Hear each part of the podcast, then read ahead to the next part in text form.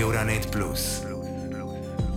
Vodilna radijska mreža za evropske novice.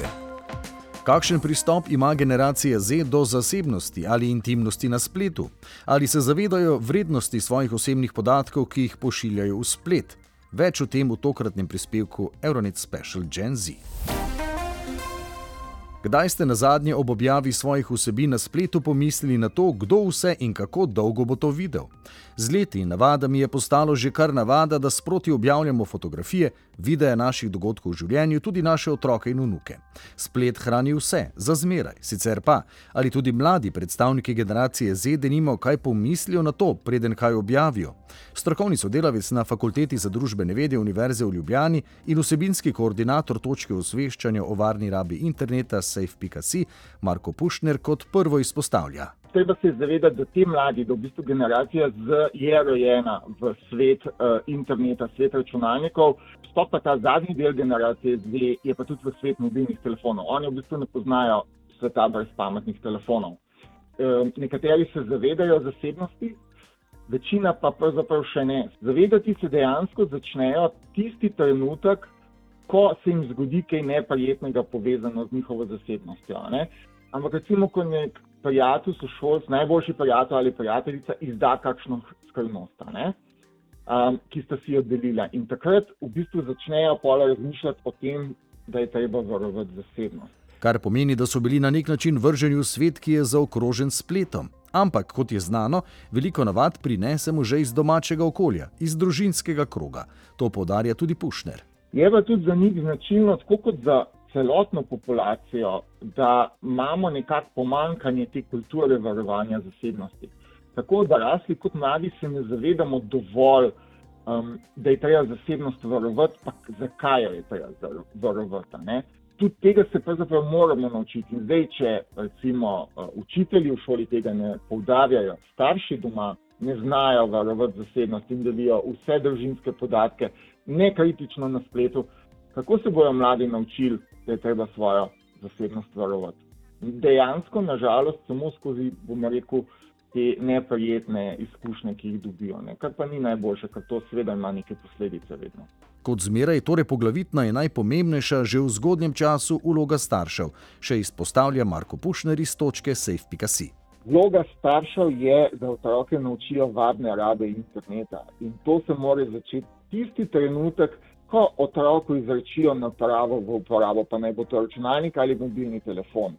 In takrat je treba otroke upozarjati tudi na vidike varovanja zasebnosti in pojasnjevati in tako dalje. In če to starši začnejo že od začetka, se pravi, takoj, ko mu dajo roke telefon, počasi opozarjati in nadaljujejo, potem bodo tudi najstniki, v najstniških letih je običajno največ težava, kar se tiče tudi zasebnosti, bodo v najstniških letih znali čuvati to svojo zasebnost in tudi razumeli, zakaj je treba to čuvati. So pa mladi seveda lahko zelo dojemljivi in hitro ukrepajo, ko jim nekdo, starši ali strokovnjaki pojasnijo, zakaj je potrebno zasebnost varovati. Ampak potem, ko se ti začneš z njimi pogovarjati, ko pojasniš, ne, da lej, če bo pa nekdo nekaj vedel o tebi, ki pa lahko škoduje na tak in tak način, potem pa zelo hitro začnejo razmišljati, so zelo dovzetni za te zadeve.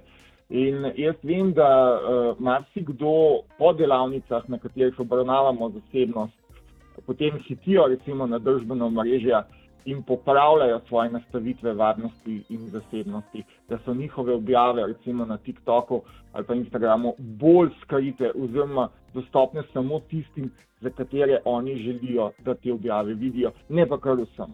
Najbolj dejavni so predstavniki generacije Z na Instagramu, Snapchatu in TikToku. A to se bo spremenilo, je prepričan tudi Marko Pušner. Vendar pa pričakujemo, da se bojo počasi z Instagrama začeli premikati, predvsem smeri, še bolj v smeri TikToka. Namreč na Instagram tudi odrasli prihajajo, starši, ne? številni starši so že na Instagramu. Je pa res, ne, da starši vedno lahko vzpostavijo uh, nek način pravega odnosa z otrokom, kar se tiče spletnih vsebin, da imajo neko zaupanje in da jim tudi otrok pokaže, kaj objavlja, pa kaj, um, kaj, kakšno sporočilo sprejema, recimo na Instagramu, če ga starši ne uporabljajo. Seveda imamo tudi neke oblike starševskega nadzora, ki to omogočajo, ampak tisto je dokaj omejeno, pa tudi problematično. Družbena omrežja pa bodo morala zdaj zaradi direktive Evropske unije spremeniti tudi zapis pogojev uporabe in v prihodnje lahko pričakujemo prilagojene pogoje, ki bodo mladim lažje razumljivi in prilagojeni tudi otrokom. Seveda je situacija podobna povsod po Evropi. Na pasti opozarjajo tudi drugi strokovnjaki, naprimer Konstantin Veselinov, direktor podjetja Sentio Cyber Security. Momče, momič, dvojk.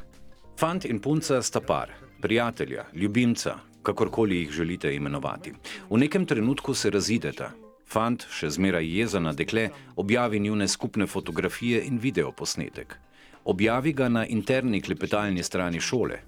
V eni uri deklica ugotovi, izve, začne jokati in jokati. Pove svojim staršem, ki v eni uri stopijo v stik s fantovimi starši in ga prosijo naj odstrani video.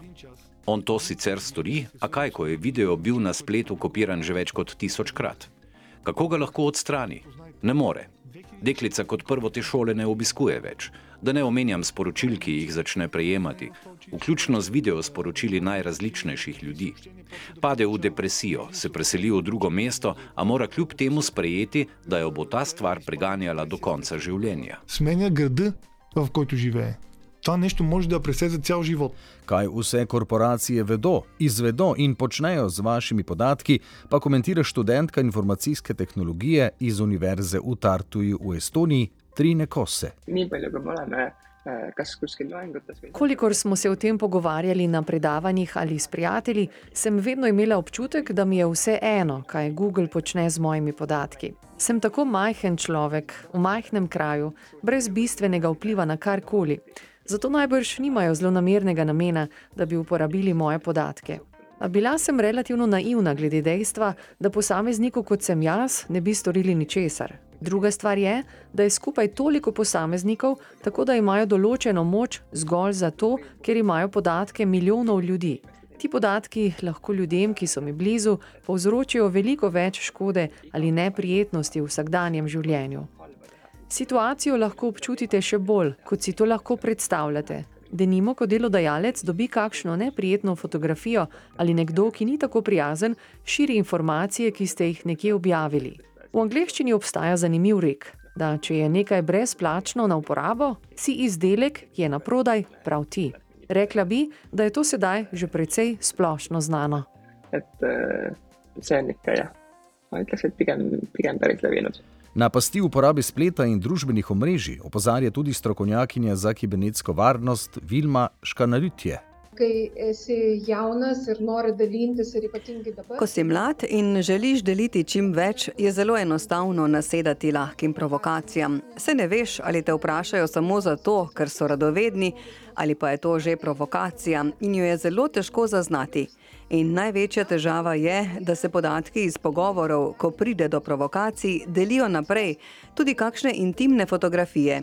Za izsiljevanje se dan danes uporabljajo tudi kakšne malenkosti. Nedidelės detalės, jos vėliau yra naudojamos šantažui, Venci, vplivnež in predstavnik generacije Z, pa izpostavlja По мое време в часовете по информационни технологии се работеше в а, V приложение. mojih časih smo pri pouku informacijske tehnologije in računalništva delali z aplikacijami in programi kot so Excel, Word in PowerPoint. Z drugimi besedami, internet ni bil nikoli uporabljen, bilo je prepovedano. Kar nas vodi do katere misli oziroma do kakšnega zaključka, da veliko otrok nima osnovne internetne pismenosti. Kaj internet sam po sebi sploh je, torej ga sami raziskujejo. Sami se učijo novih stvari. Nihče, ki razume, veste, vsaj profesionalec, učitelj, jim ne razloži, kaj se ne sme početi, kako se zaščititi pred nezaželenimi učinki in posledicami pri uporabi interneta. Zdaj sicer ne morem reči, ali se je to v zadnjih letih spremenilo, ampak pred nekaj leti jaz pri pouku informacijske tehnologije nisem imel računalniške pismenosti.